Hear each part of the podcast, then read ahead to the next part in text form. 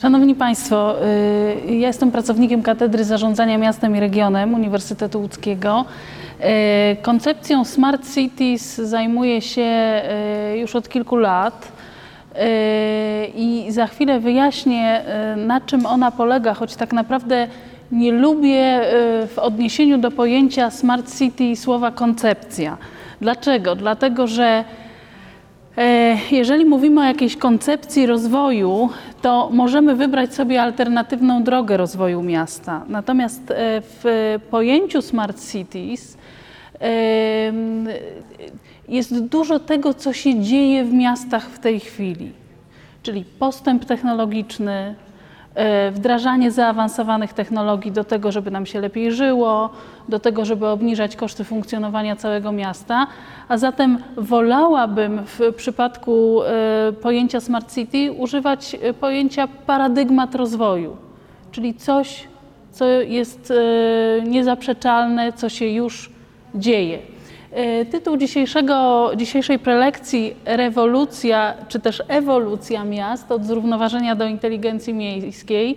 Dlaczego rewolucja czy ewolucja? No właśnie, czy to jest rewolucja miejska, czy to jest coś, co się nagle zadziało, czy to jest ewolucja, czy miasto ewoluowało do tego, żeby stać się bardziej inteligentne? Jakie były kolejne kroki w tejże ewolucji? E, zacznę od słów Jaime Lernera, to jest były burmistrz Kurytyby. Kurytyba uznana za jedno z inteligentnych miast na świecie.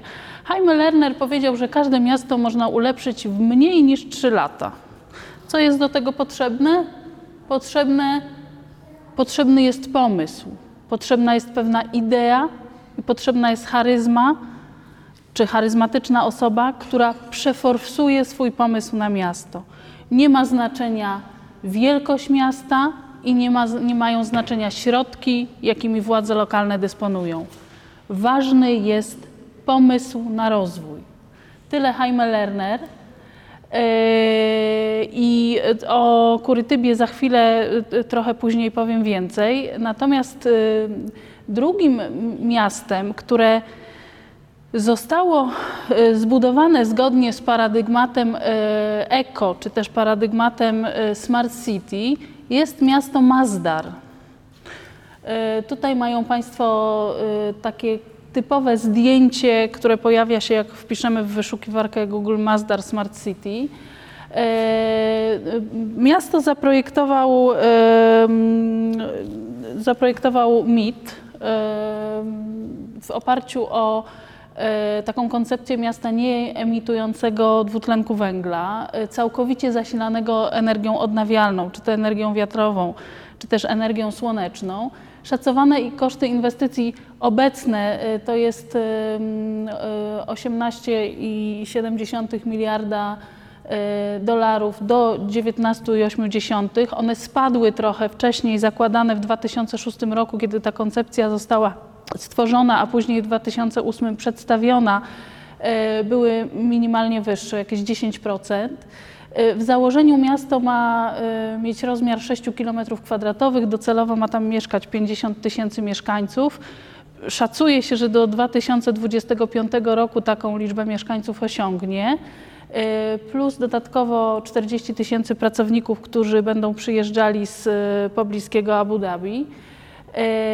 Nie będzie tam w ogóle y, samochodów, żadnego transportu na powierzchni y, miasta. Cały transport y, w oparciu o autonomiczne taksówki ma, ma być stworzony pod ziemią, pod miastem. Jest jeden problem. Nikt w tym mieście nie chce mieszkać. Dlaczego? Dlatego, że miasto to nie tylko technologie, to też życie, ludzie, kultura, e, historia.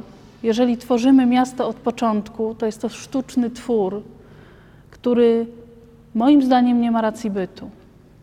W 2025 roku przekonamy się, czy, osiąg- czy Mazdar osiągnął docelową liczbę mieszkańców 25, 50 y, tysięcy e, osób.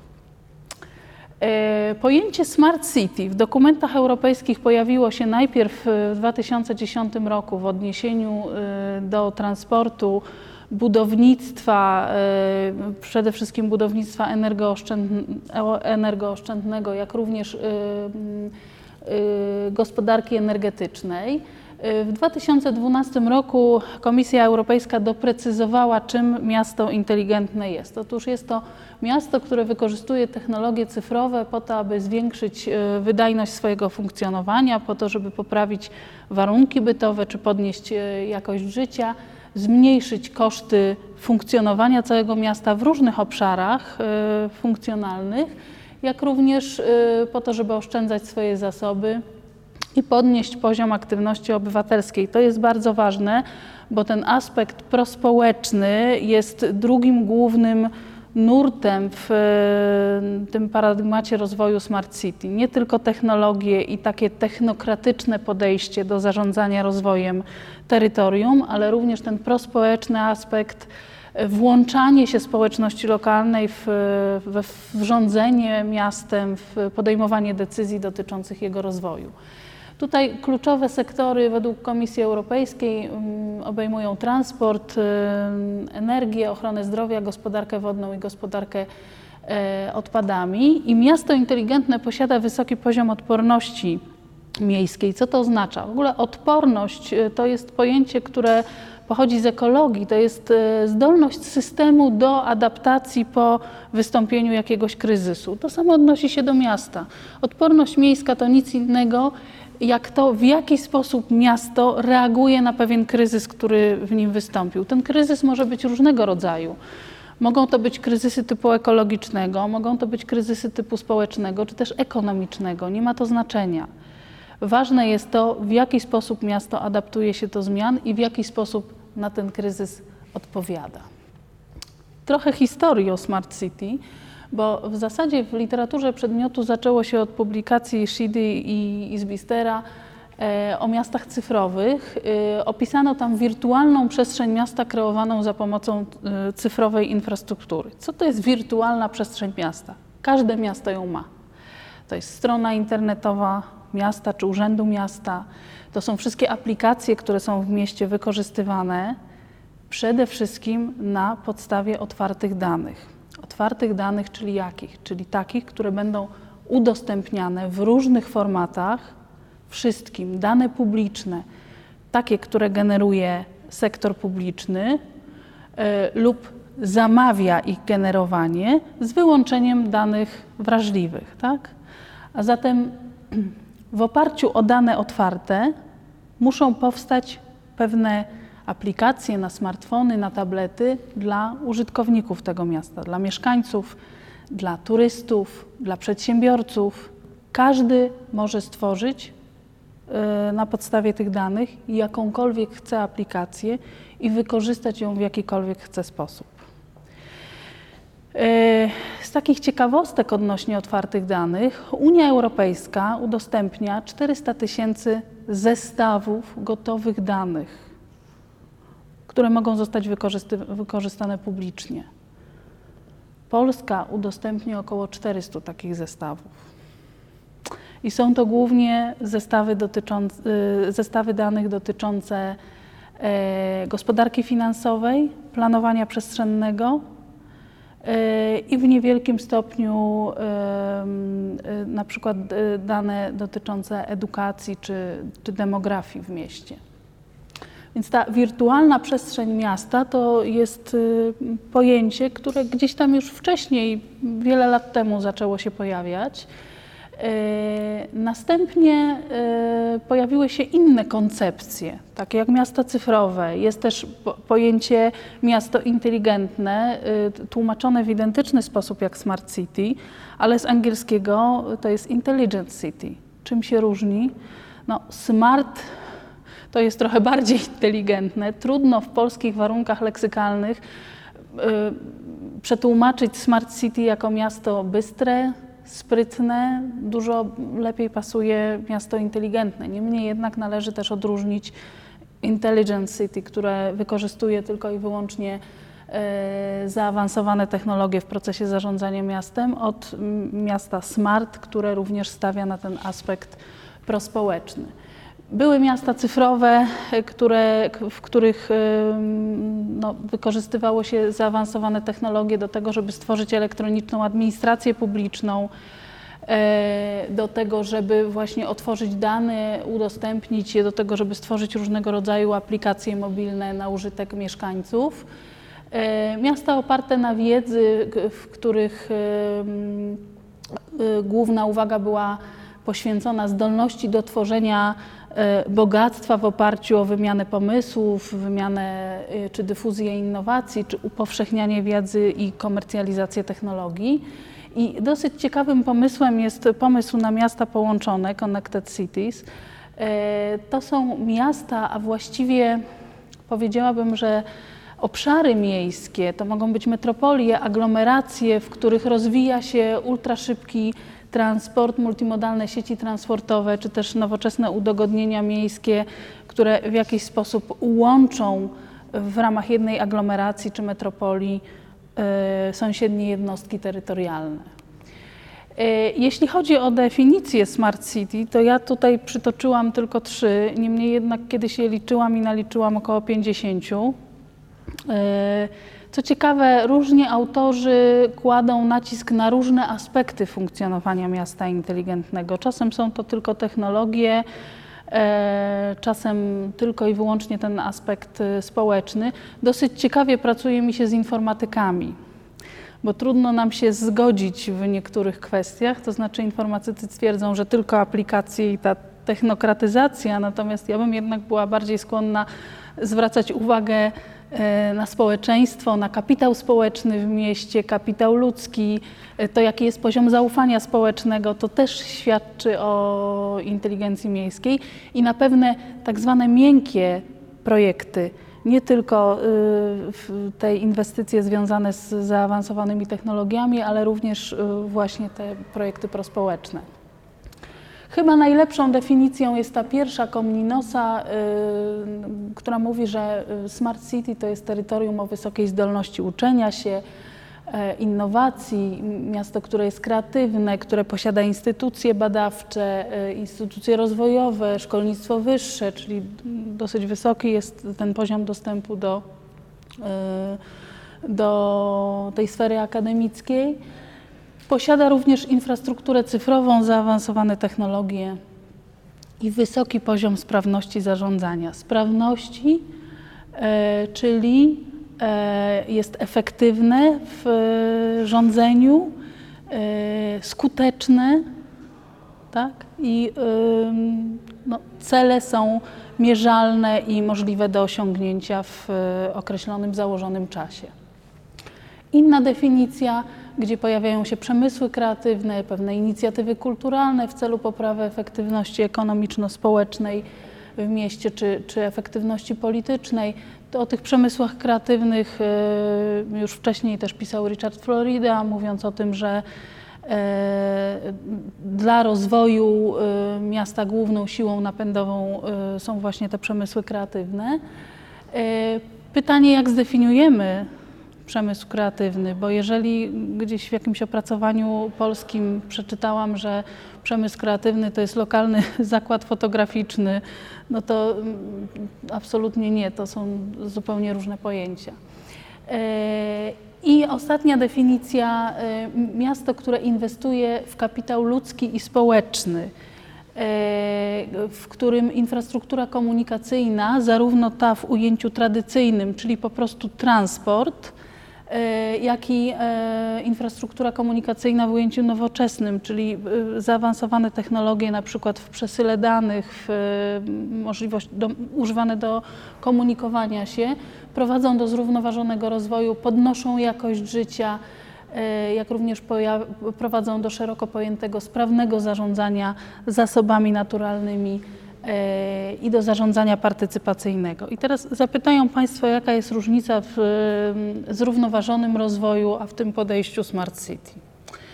Powiedziałabym, że jeżeli do wskaźników zrównoważonego rozwoju dodamy e, wskaźniki dotyczące postępu technologicznego, y, wykorzystywanie zaawansowanych technologii, to wyjdziemy na Smart City. To są bardzo podobne pojęcia. Bardzo często y, certyfikat, który jest przyznawany miastom w y, zakresie zrównoważonego rozwoju w dostępie do usług publicznych, mylony jest z certyfikatem Smart City, bo jeżeli porównamy różnego rodzaju wskaźniki, to jak mierzymy Smart City, jak mierzymy zrównoważony rozwój, to one w zasadzie się pokrywają. E, identyfikujemy trzy wymiary miasta inteligentnego, przepraszam, sześć wymiarów miasta inteligentnego. E, te sześć wymiarów e, e, zostało zidentyfikowanych przez ekspertów z Politechniki Wiedeńskiej, a następnie potwierdzonych w raporcie Parlamentu Europejskiego Mapping Smart Cities. Jest to środowisko, mobilność, gospodarka, współrządzenie, jakość życia i ludzie. Później powiem więcej o wskaźnikach, natomiast chciałabym powiedzieć teraz o sposobie E, pomiaru inteligencji miejskiej. To jest bardzo istotne. Raport, e, o którym wspomniałam, ten Mapping Smart Cities, wyraźnie wskazuje, że jeżeli chociażby w jednym z tych wymiarów mamy jakiekolwiek inicjatywy innowacyjne, inicjatywy typu smart, to już możemy mówić o inteligentnym mieście. Czyli jeżeli chociaż w jednym z tych obszarów coś inteligentnego się zadzieje, to już możemy powiedzieć, że to miasto Y, które opisujemy, jest inteligentne. W ten sposób, proszę Państwa, podchodząc, to my mamy w Polsce 90% inteligentnych miast. Bo w każdym mieście, naszym polskim, e, przebadałam 66 miast na prawach powiatu, stawiamy pierwsze kroki w e, zakresie Smart City. Głównie jest to gospodarka energetyczna i transport. Ale w każdym z 66 miast e, na prawach powiatu E, zadziało się coś, co pozwoliłoby zakwalifikować to miasto e, jako miasto inteligentne. Drugim podejściem, zupełnie odwrotnym do tego podejścia Parlamentu Europejskiego, jest podejście takie, w którym traktujemy miasto jako całość.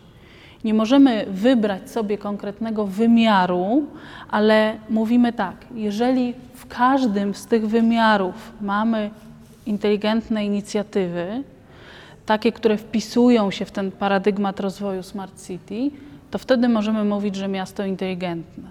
Miasto jest inteligentne. I to rzeczywiście ma sens w tym momencie. Eee, zacznijmy od gospodarki inteligentnej. Eee, tutaj eee, takie miasto y, skupia się na rozwoju czy pobudzaniu przedsiębiorczości z wykorzystywaniem zaawansowanych technologii, po to, żeby podnieść produktywność miasta, po to, żeby w jakiś sposób pobudzić innowacyjność,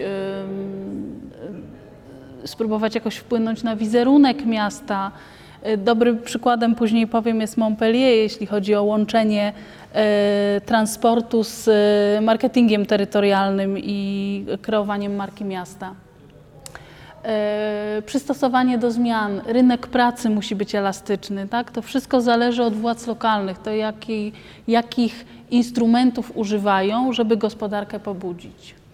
Inteligentna mobilność to transport i technologie informacyjno-komunikacyjne, lokalna dostępność transportowa, to, w jaki sposób różne środki transportu są połączone. Nie możemy mówić o zrównoważonym transporcie, jeżeli dajemy priorytet y, jakiemuś jednemu rodzajowi transportu. W inteligentnych miastach y, duży nacisk kładzie się na transport publiczny, y, tylko żeby można było powiedzieć, że transport jest inteligentny, to musimy mieć wybór, jeśli chodzi o środek transportu, musimy mieć integrację biletową, czyli nie możemy mieć innych biletów na autobus, innych biletów na tramwaj, a jeszcze innych na metro, tylko musi nastąpić pełna integracja biletowa. Musimy mieć możliwość e, na przykład zakupu biletu za pomocą smartfona, e, tabletu, czy w jakikolwiek inny sposób związany z zaawansowaną technologią. E, no i przede wszystkim musimy mieć e, bezpieczny system transportowy. Bezpieczny to znaczy taki, który między innymi daje priorytet słabszym uczestnikom ruchu, bo to oni są najbardziej zagrożeni. W pierwszej kolejności pieszy, w drugiej kolejności rowerzyści i dopiero później kolejne środki transportu. E, inteligentne środowisko no to oczywiście dbałość o zasoby naturalne, e, niski poziom zanieczyszczeń. E, zawsze podaję przykład Krakowa. Kraków wpisuje w swoją strategię rozwoju bycie smart, chce być miastem inteligentnym. Proszę zwrócić uwagę na poziom smogu.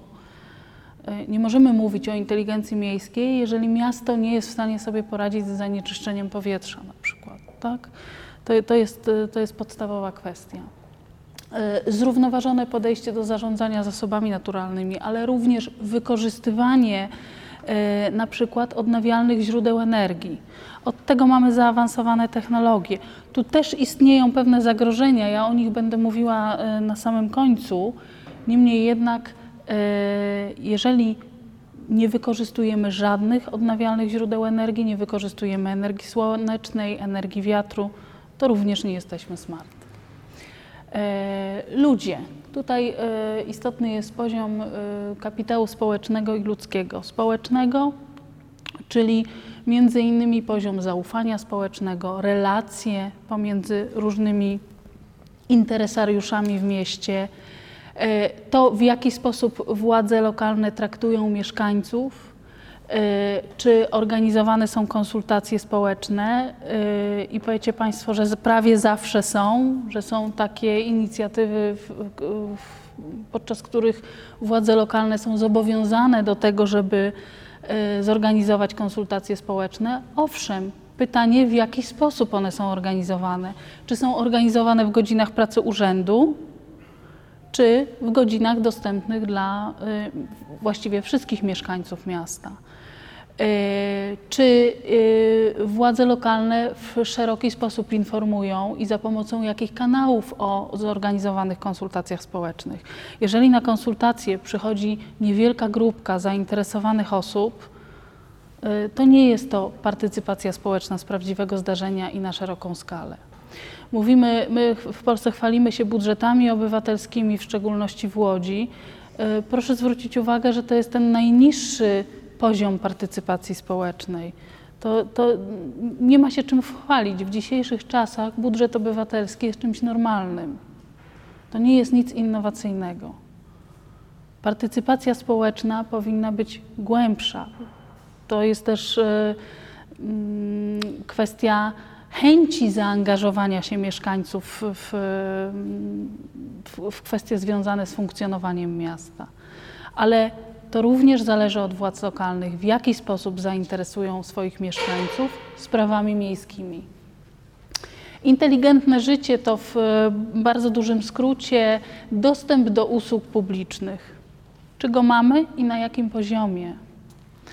E, oczywiście ten dostęp do usług publicznych w przypadku polskich miast jest dużo wyższy w miastach dużych. W miastach e, średnich, małych e, to jest rzeczywiście duży problem. Znaczna część usług publicznych e, pozostaje niedostępna dla mieszkańców. Niemniej jednak zwykły dom kultury może być naprawdę inicjatywą z, z tych inteligentnych. Tak? Zależy, co się w nim dzieje. E, mieszkalnictwo na przykład to nie tylko budownictwo mieszkaniowe, to zielone, energooszczędne, ale również budownictwo dostępne ekonomicznie, zrównoważone i dostępne ekonomicznie dla wszystkich grup dochodowych mieszkańców. To w jaki sposób planujemy na przykład mieszkania socjalne, w, którym, w jakim miejscu one powinny się znajdować, czy miasto tworzy getta na peryferiach, czy wpisuje mieszkania socjalne w istniejącą tkankę miejską. To też y, wpływa na nasze życie. I wreszcie inteligentne współrządzenie to przejrzystość zarządzania miastem. Y, no, o partycypacji społecznej mówiłam, wysoki poziom usług publicznych i realizacja strategii rozwoju.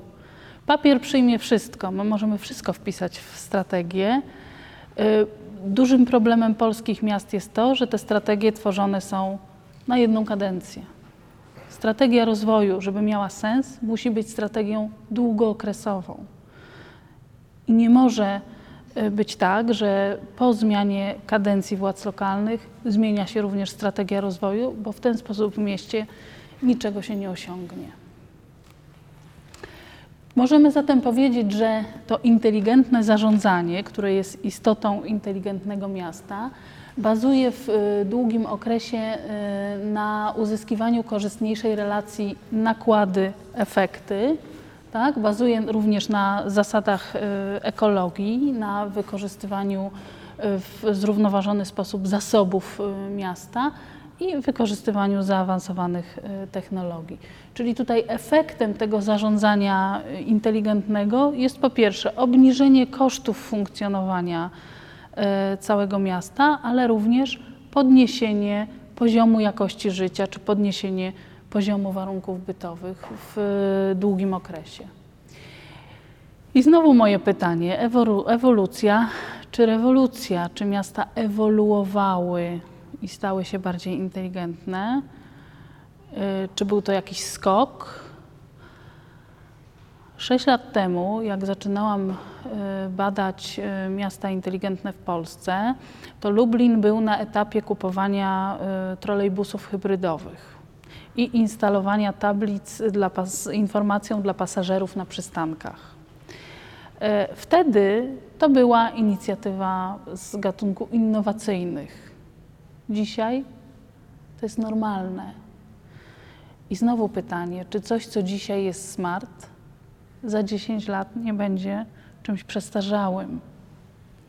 Mamy tak ogromny postęp technologiczny, że zawsze powtarzam, to już nie jest koncepcja. To jest coś, co się dzieje i będzie działo. Yy, Zapytałam o tą ewolucję e, celowo, dlatego że mm, jeden z badaczy Smart City, Boyd Cohen, wyróżnił cztery generacje, czy inaczej cztery stopnie dojrzałości miasta inteligentnego. E, pierwszy stopień 1.0 e, to jest miasto, które, w którym istnieją dostawcy różnego rodzaju rozwiązań technologicznych, czy mówiąc inaczej, produktów, związanych z zaawansowanymi technologiami, próbują te produkty sprzedać władzom lokalnym. Ponieważ miasta są słabo wyposażone w infrastrukturę technologiczną związaną z zarządzaniem, na przykład w, w obszarze transportu, czy w obszarze energetyki, czy środowiska, i władze nie do końca rozumieją związek pomiędzy wdrażaniem tych produktów a e, podniesieniem e, poziomu jakości życia, no to mówiąc kolokwialnie, kupują e, takie produkty jak świeże bułeczki, nie zastanawiając się nad rzeczywistymi potrzebami mieszkańców swojego miasta.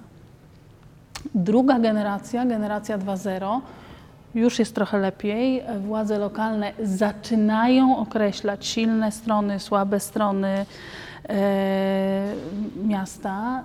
E, zaczynają widzieć również związek pomiędzy e, jakością życia, kosztami funkcjonowania miasta, a zaawansowanymi technologiami.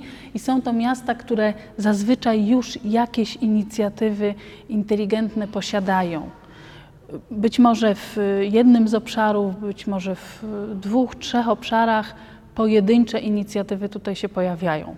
Ciekawostka, Barcelona twierdzi, że generacją 2.0 była w 1054 roku chyba, a w 2054 to będą generacją 5.0.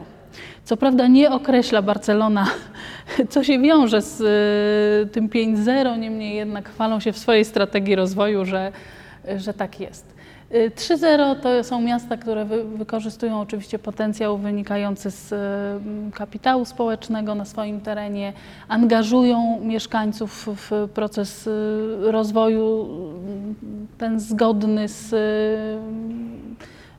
z, ze Smart City. Yy, możemy jeszcze mówić o generacji 4.0. Przy okazji mogę polecić książkę yy, Rifkina Społeczeństwo zerowych kosztów krańcowych. Myślę, że tam ta generacja 4.0 opis yy, jest dosyć dobrze wyłożony. Jest to generacja miast, które wykorzystują gospodarkę obiegu zamkniętego, czy też gospodarkę cyrkularną. Y, Próbują minimalizować koszty krańcowe. Mówi się tu- tutaj wyraźnie, że y, dążymy do y, zerowych kosztów krańcowych. Internet rzeczy tutaj się bardzo intensywnie rozwija, czy przekładając na miasta internet miast. No i model gospodarki, model rozwoju gospodarki post-PKB. PKB już nie jest najlepszym wskaźnikiem do mierzenia rozwoju, czy to rozwoju zrównoważonego. Muszę Państwu powiedzieć, że od 2014 roku do PKB wchodzi prostytucja i handel narkotykami. Więc ym, no, sami Państwo widzą, że nie jest to e, najlepszy wskaźnik. Jeśli chodzi o wskaźniki europejskie, czy to te wynikające z Ermen Audit, y, Esponowskie czy Eurostatu, no to w zakresie gospodarki mierzony jest duch innowacyjny. To jest wskaźnik e, generalny. Oczywiście są jeszcze wskaźniki cząstkowe. Jak mierzyć duch innowacyjny? No, y, być może na przykład liczbą nowo otwartych firm w mm, obszarze mm, nie wiem, badań i rozwoju na przykład, tak? Albo mm, znaki handlowe czy gospodarczy wizerunek, w jaki sposób y, to mierzyć. Tutaj w zależności od tego, jakie wskaźniki przyjmiemy, to oczywiście y, będziemy mieć no, trochę różniące się od siebie wyniki w rankingu miast y, inteligentnych. Na przykład Politechnika Wiedeńska, jeden ze wskaźników, jaki wykorzystuje do jakości życia, to jest wskaźnik e, liczby dni słonecznych w roku. Yy, No, proszę Państwa, to automatycznie chyba oznacza, że te wszystkie państwa, które są, czy miasta, które są na południu, to są miasta bardziej inteligentne niż te, które są na północy. O Skandynawii już nie wspominam. Więc yy, czasami te wskaźniki nie są, nie są najlepsze. Yy, Wśród wskaźników na przykład wskazuje się również w literaturze przedmiotu liczbę patentów. W warunkach polskich nie jest to najlepszy wskaźnik, biorąc pod uwagę biurokrację, jaka towarzyszy e, uzyskiwaniu patentów. W międzyczasie może powstać wiele e, inicjatyw inteligentnych. I co to znaczy, że nie jesteśmy miastem inteligentnym? No jesteśmy. Dalej, sposób budowania statystyki publicznej też jest w tym pomiarze istotny. Ja na to wskazuję na ten problem wskazuje już od wielu, wielu lat. Jeżeli chcemy mówić o rozwoju zgodnym z y, tym paradygmatem Smart City, to musimy zacząć budować statystykę publiczną w taki sposób, abyśmy mogli zacząć mierzyć ten potencjał inteligentny. Jeżeli mamy w, y, chociażby w banku danych lokalnych wskaźniki, które są część agrego- agregowana na poziomie regionalnym, część na poziomie lokalnym, to jak my je możemy porównywać? Albo sposób konstruowania wskaźnika 5 lat temu był inny niż jest teraz. Nie jestem w stanie pewnych rzeczy porównać. Top 10, top of the top światowy. Co roku wychodzi taki raport Cities in Motion. E, Ostatni jest za 2016 rok. Myślę, że już niedługo pojawi się za poprzedni rok. E, Cały czas w czołówce te trzy miasta. Nowy Jork na pierwszym miejscu. No i tu mam ta, taki komentarz o, na następnym slajdzie. Y, Jak Państwo patrzą na spójność społeczną, czy kapitał ludzki, y, czy środowisko, czy governance, to już nie ma Nowego Jorku. Y, Mało tego, jeśli chodzi o spójność społeczną, to Nowy Jork jest chyba na 67 na 80 parę y, miast. Więc znaczy spójność społeczna. Spójność społeczna, czy e, nie ma zbyt dużych dysproporcji na przykład w dochodach, w warunkach życia, tak? Więc tu okazuje się, że w Nowym Jorku niestety te dysproporcje są ogromne, a mimo wszystko Nowy Jork, jak Państwo widzą, jest na pierwszym miejscu. Dlaczego? Dlatego, że wskaźniki gospodarcze tak bardzo ciągną miasto w górę, że y, pomimo y, jakichś błędów y, w funkcjonowania miasta w innych obszarach, to i tak wygrywa z uwagi na wysoki poziom rozwoju gospodarczego. Więc znowu mój dylemat, jak traktować Smart City, czy holistycznie podchodząc do miasta jako całości, czy w rozbiciu na te poszczególne wymiary funkcjonowania miasta. Barcelona jest takim przykładem, który ja zawsze podaję jako najlepszy przykład rozwoju miasta zgodnego z paradygmatem Smart City. Dlaczego? Dlatego, że Barcelona miała wizję, jak się stać inteligentną. Do 2014 roku konsekwentnie realizowała swoją strategię rozwoju właśnie w oparciu o ten paradygmat. Zaczęło się przed e, Igrzyskami Olimpijskimi w 1992 roku, kiedy e, Barcelona musiała e, naprawić pewne systemy, które nie funkcjonowały dobrze, na przykład system transportu. Albo system związany z zakwaterowaniem ogromnej liczby turystów. Więc wymyślili sobie jedną rzecz, że zrobią przegląd wszystkich obszarów funkcjonowania miasta i wyraźnie powiedzieli, że to nie będzie update tych systemów. To nie będzie tak, że coś poprawią.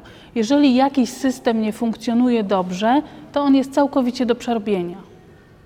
I w ten sposób powstała strategia e, rozwoju, gdzie jakby wizją e, całego rozwoju miasta docelowo miało być miasto dla ludzi, którzy osiągają wysoką jakość życia i miasto, w którym e, dokonał się ogromny postęp e, ekonomiczny, a wszystko to w oparciu o zaawansowane technologie. Te zaawansowane technologie były tylko i wyłącznie narzędziem do tego, żeby e, stworzyć bardziej efektywny czy zrównoważony transport, nie tylko w ramach granic Barcelony, ale również w oparciu o całą strefę metropolitalną. E, Po to, żeby mówić o czystym środowisku, żeby można było powiedzieć, że w mieście jest przyjazny klimat inwestycyjny czy biznesowy, e, żeby właśnie mm, osiągnąć wysoką, y, wysoki poziom spójności społecznej czy integracji społecznej, e, przejrzystość, kulturę demograficzną czy powszechny dostęp do, do usług publicznych. Do 2014 roku Barcelona realizowała 22 inicjatywy, w ramach których to inicjatyw realizowano ponad 200 programów, konkretnych, e, szczegółowych programów związanych z rozwojem miasta inteligentnego. Jakie to były programy? Na przykład e, program związany z gospodarką zasobami wodnymi. Wszystkie e, tereny zielone w centrum miasta zostały e, podłączone do urządzeń pomiarowych e, po to, żeby na przykład kiedy pada deszcz, nie załączało się podlewanie miejskie. System bada wilgotność gleby i do tej wilgotności dostosowuje ilość wody, która jest potrzebna do nawodnienia terenów zielonych. Co więcej, system bada również kierunek wiatru i w taki sposób ustawia dysze wylotowe, żeby woda nie upadała na przykład na asfalt czy chodnik, a dokładnie na e, trawnik. E, Oświetlenie. E, Stworzono mapę oświetlenia, e, gdzie różne linie mogą być w różny sposób włączane, miasto może być doświetlone, natężenie może być zmniejszane w zależności od e, jakby naturalnego oświetlenia. Na przykład, jeżeli mamy księżyc w pełni, to automatycznie tego światła, jest trochę więcej, e, jeżeli jest bardzo pochmurna noc. Więc również system reguluje y, doświetlenie ulic. Są części miasta, w których y, oświetlenie na stałe jest niepotrzebne. Załącza się wtedy, kiedy pojawia się pieszy, albo rowerzysta, albo y, samochód. Y, Są y, części miasta, w których można doświetlić dodatkowo y, te obszary, w których wydarzyło się jakieś, wydarzył się na przykład jakiś wypadek i służbom miejskim potrzebne jest, mm, potrzebna jest większa ilość światła. Na przykład projekt Mobilność w oparciu o mm, napęd elektryczny. Wszystkie środki transportu publicznego mają napęd elektryczny, czyli autobusy, metro oczywiście y, tak, ale głównie chodzi mi o e, o autobusy. E, Barcelona posiada ponad 400 stacji ładowania pojazdów elektrycznych. O ile mi dobrze wiadomo, Warszawa ma ich 11. To i tak dobrze, bo w Łodzi są chyba tylko dwa, o ile dobrze pamiętam.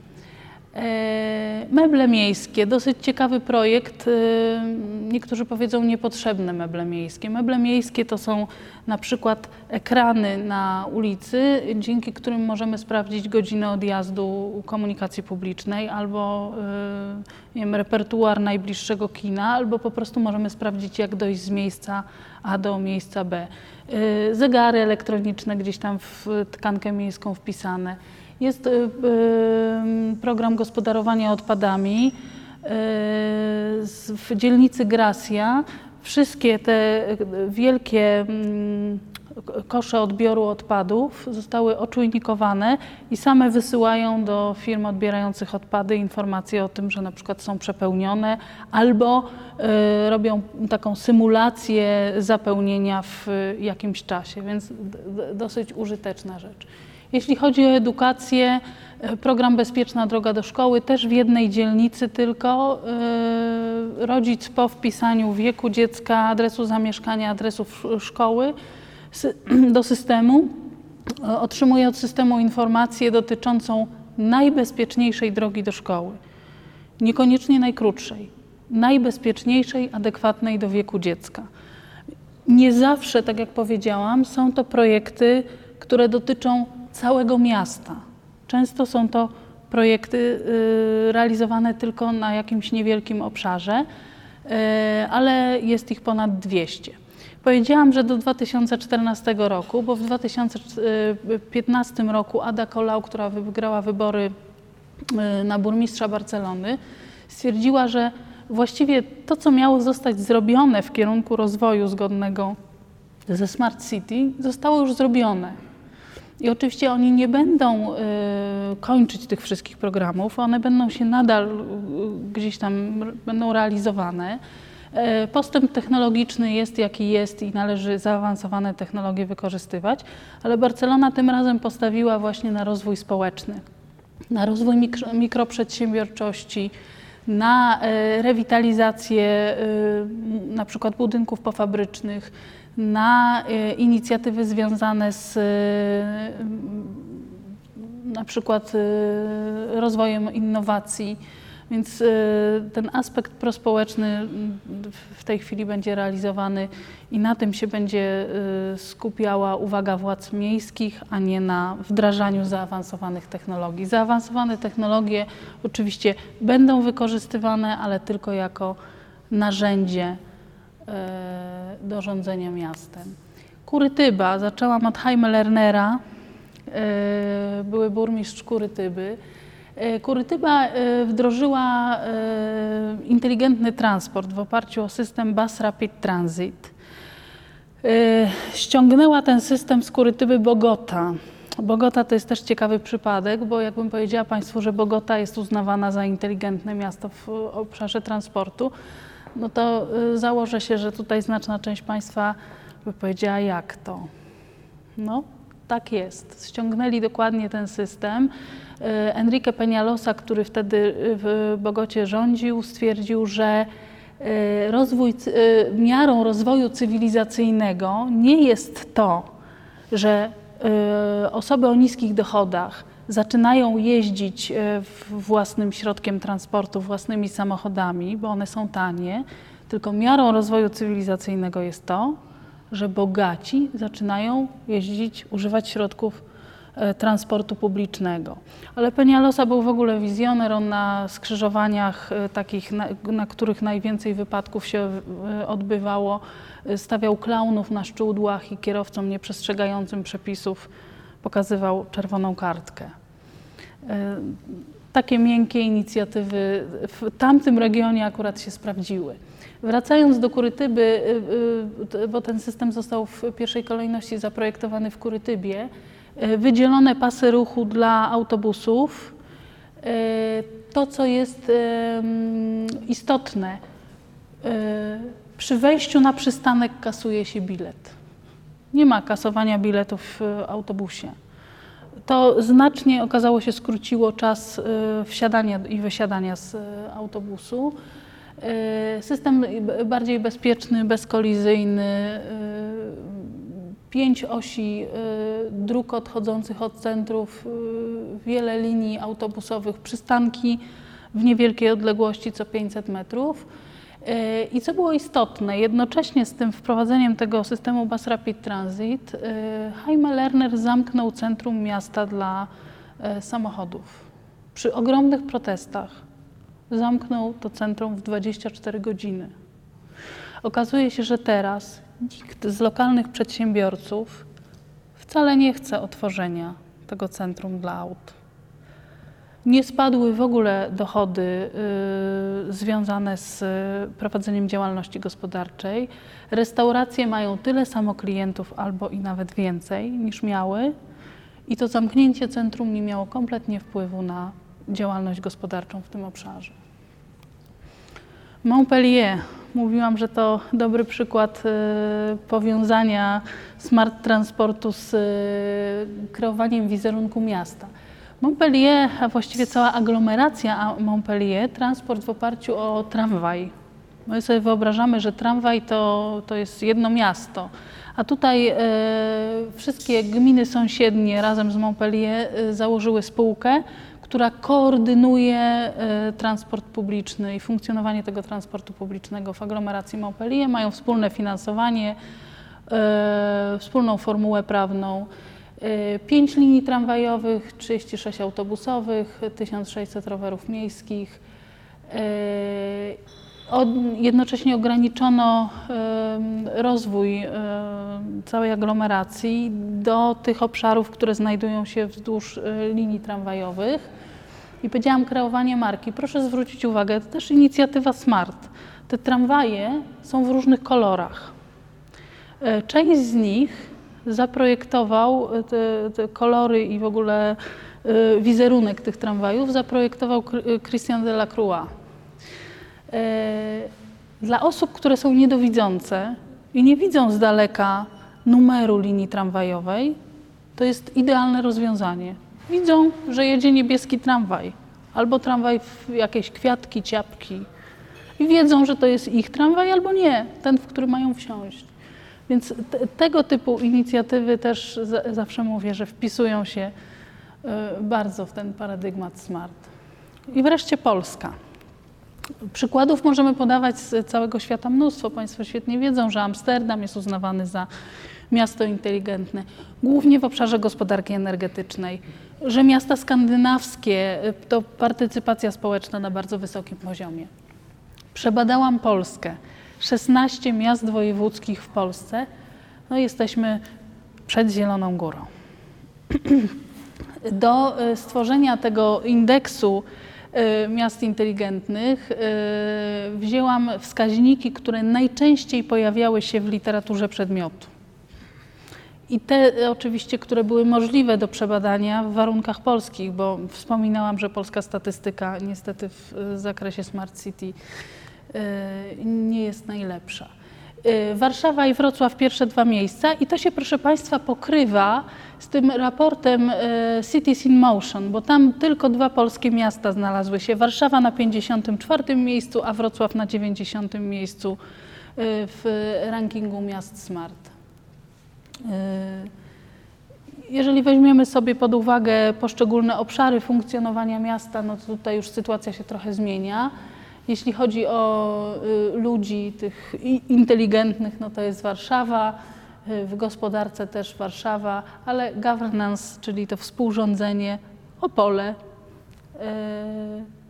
jakość życia, Wrocław. Mobilność, Rzeszów. Rzeczywiście Rzeszów był jednym z polskich miast, który wprowadził zintegrowany, inteligentny system transportu. Więc być może też z tego to wynika. I powiedziałam, że powiem trochę o ryzyku. Y, Ja mam, y, ja bardzo lubię ten temat Smart City, natomiast mam górki, dołki y, i czasem się zachwycam tym sposobem rozwoju czy paradygmatem rozwoju, a czasem mam bardzo duże wątpliwości. Aktualnie niestety jestem w dołku. Widzę duże ryzyko związane z wdrażaniem zaawansowanych technologii bez rozpoznania pewnych potrzeb y, społeczności lokalnej. Y, Jakie to, jakiego rodzaju to jest ryzyko? Przede wszystkim y, starzenie się społeczeństwa. Zwróćcie Państwo uwagę, że już w tej chwili jest, pojawiają się informacje. Więcej informacji znajdą Państwo na naszym Facebooku, naszym Twitterze. A co ma zrobić ktoś, kto nie ma tego Facebooka? Najczęściej, najczęściej są to y, ludzie starsi. Rosnący prekariat. Dlaczego mamy y, interesować się zaawansowanymi technologiami w y, mieście, jak musimy zainteresować się tym, czy będziemy mieć stałą pracę i godne warunki życia? Brak intencji ochrony internetu jako cyfrowej przestrzeni publicznej. Jeżeli traktujemy internet jako wirtualną przestrzeń publiczną, to powinniśmy również ym, posiadać przepisy prawne, które pozwolą nam na ochronę y, tej przestrzeni. Unifikacja y, technologii a potrzeby społeczności lokalnych. To, co sprawdziło się w Barcelonie, niekoniecznie musi sprawdzić się w Łodzi, a to, co sprawdza się w Łodzi, niekoniecznie musi sprawdzić się w Buenos Aires. Więc y, takie produktowe traktowanie Smart City, że o, mamy tutaj rozwiązania dla inteligentnego transportu albo poprawiające bezpieczeństwo publiczne w mieście, nie mogą być identyczne dla wszystkich miast. Y, Za tym idzie właśnie to produktowe nastawienie do koncepcji Smart City. Podział decyzyjny w zakresie wyboru, lokalizacji i finansowania inwestycji miejskich y, z uwagi na podział środków y, z różnych źródeł, jeśli chodzi w ogóle o inwestycje w mieście. Technologia, a bańki poznawcze. My już żyjemy w bańkach poznawczych, proszę Państwa. Kogo Państwo mają na Facebooku? Jakich znajomych? O znajomych, którzy podzielają nasze poglądy. Oglądamy strony, które są nam jakoś tam ideologicznie bliskie. To jest właśnie życie w takiej bańce poznawczej, co wiąże się z pewnym ograniczeniem obiektywizmu w postrzeganiu y, świata. E, Biurokracja i brak długofalowych działań w oparciu o spójne strategie uwzględniające potrzeby interesariuszy miast. O tym też częściowo powiedziałam w zakresie realizacji strategii rozwoju i zmian w tych strategiach przy okazji zmian władzy. I rywalizacja, wygrywają, wygrywają miasta magnesy, czyli te miasta, które wizerunkowo y, mają wysoką pozycję, którym łatwo jest sprzedać pewien produkt.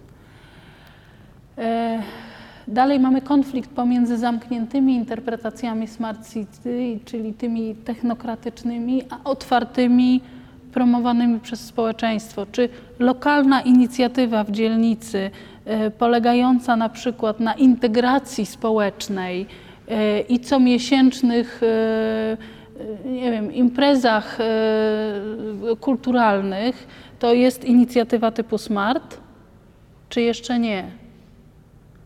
Jak to ocenić? Prywatność a dobro publiczne. No jeżeli otwieramy dane, to musimy wiedzieć, które dane będziemy chronić.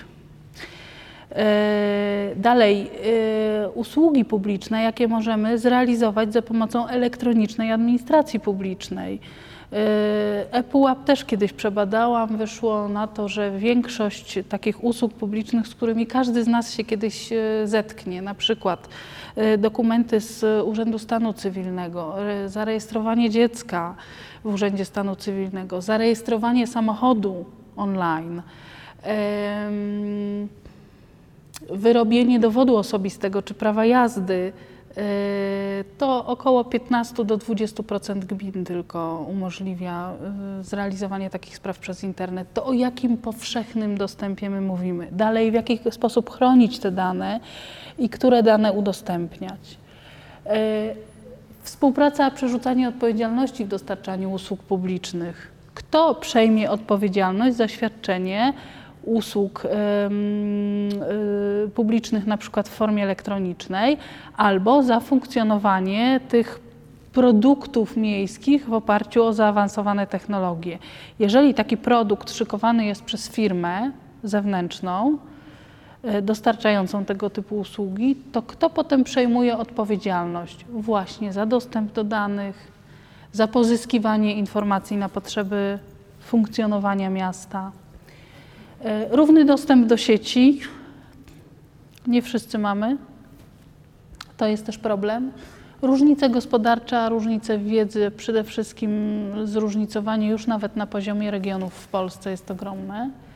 Punktowe spojrzenie na miasto, brak pełnego rozpoznania potrzeb i wreszcie coś, co jest też e, dla mnie bardzo istotne z punktu widzenia przestrzeni, e, urban sprawl, czyli rozlewanie się, niekontrolowane rozlewanie się miasta, a zaawansowane technologie. Proszę Państwa, jeżeli ja mogę pracować zdalnie, jeżeli mogę zrobić zakupy przez internet, z urzędem skomunikować się elektronicznie, y, podłączyć się do własnej infrastruktury w, w oparciu o odnawialne źródła energii, to jaki ja mam interes w tym, żeby mieszkać w mieście?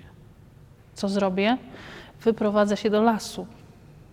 A jak się wyprowadzę do lasu, to po pięciu latach zacznę naciskać na władze gminy, żeby mi wybudowały chodnik, drogę dojazdową, bo przecież nie mogę zimą wyjechać, a jeszcze najlepiej, żeby blisko była szkoła, przystanek, bo przecież jakoś trzeba dojechać niekoniecznie samochodem, na przykład na imprezę.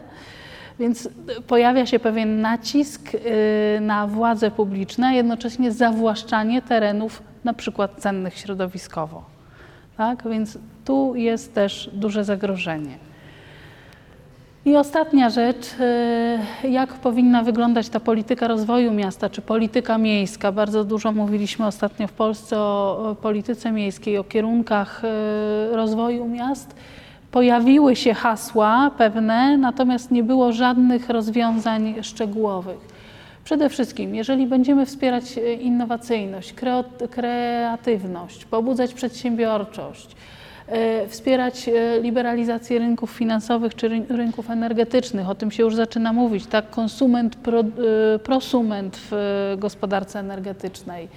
E, Energooszczędne korzystanie z zasobów, e, eliminowanie zagrożeń różnego rodzaju dla, dla społeczności lokalnych, rozwój komunikacji publicznej, gdzie nie będziemy czekać na przyjazd tramwaju czy autobusu 10-15 minut, gdzie jeżeli chcemy skorzystać z e, mm, kolei aglomeracyjnej, to pociągi będziemy mieć częściej niż co godzinę czy półtorej. E, e, Jeżeli zaczniemy racjonalizować gospodarkę w zakresie e, zagospodarowania przestrzeni, sposobu zagospodarowania tej przestrzeni, otwierać dane, edukować społeczeństwo również w zakresie korzystania z technik informacyjno-komunikacyjnych i zaczniemy zapobiegać wykluczeniu społecznemu, to będziemy mieć miasta bardziej smart. Jeżeli, I to są priorytetowe kierunki działań. Tak? Bez tego, bez rewitalizacji, ja, ja mówię zawsze tak, są trzy kroki w e, kierunku Smart City. Rewitalizacja centrów miast w Polsce, efektywny, skuteczny transport publiczny i otwarte dane. I wtedy będziemy mieć inteligentne miasta. Bez tego niestety nie damy rady. Bardzo Państwu dziękuję.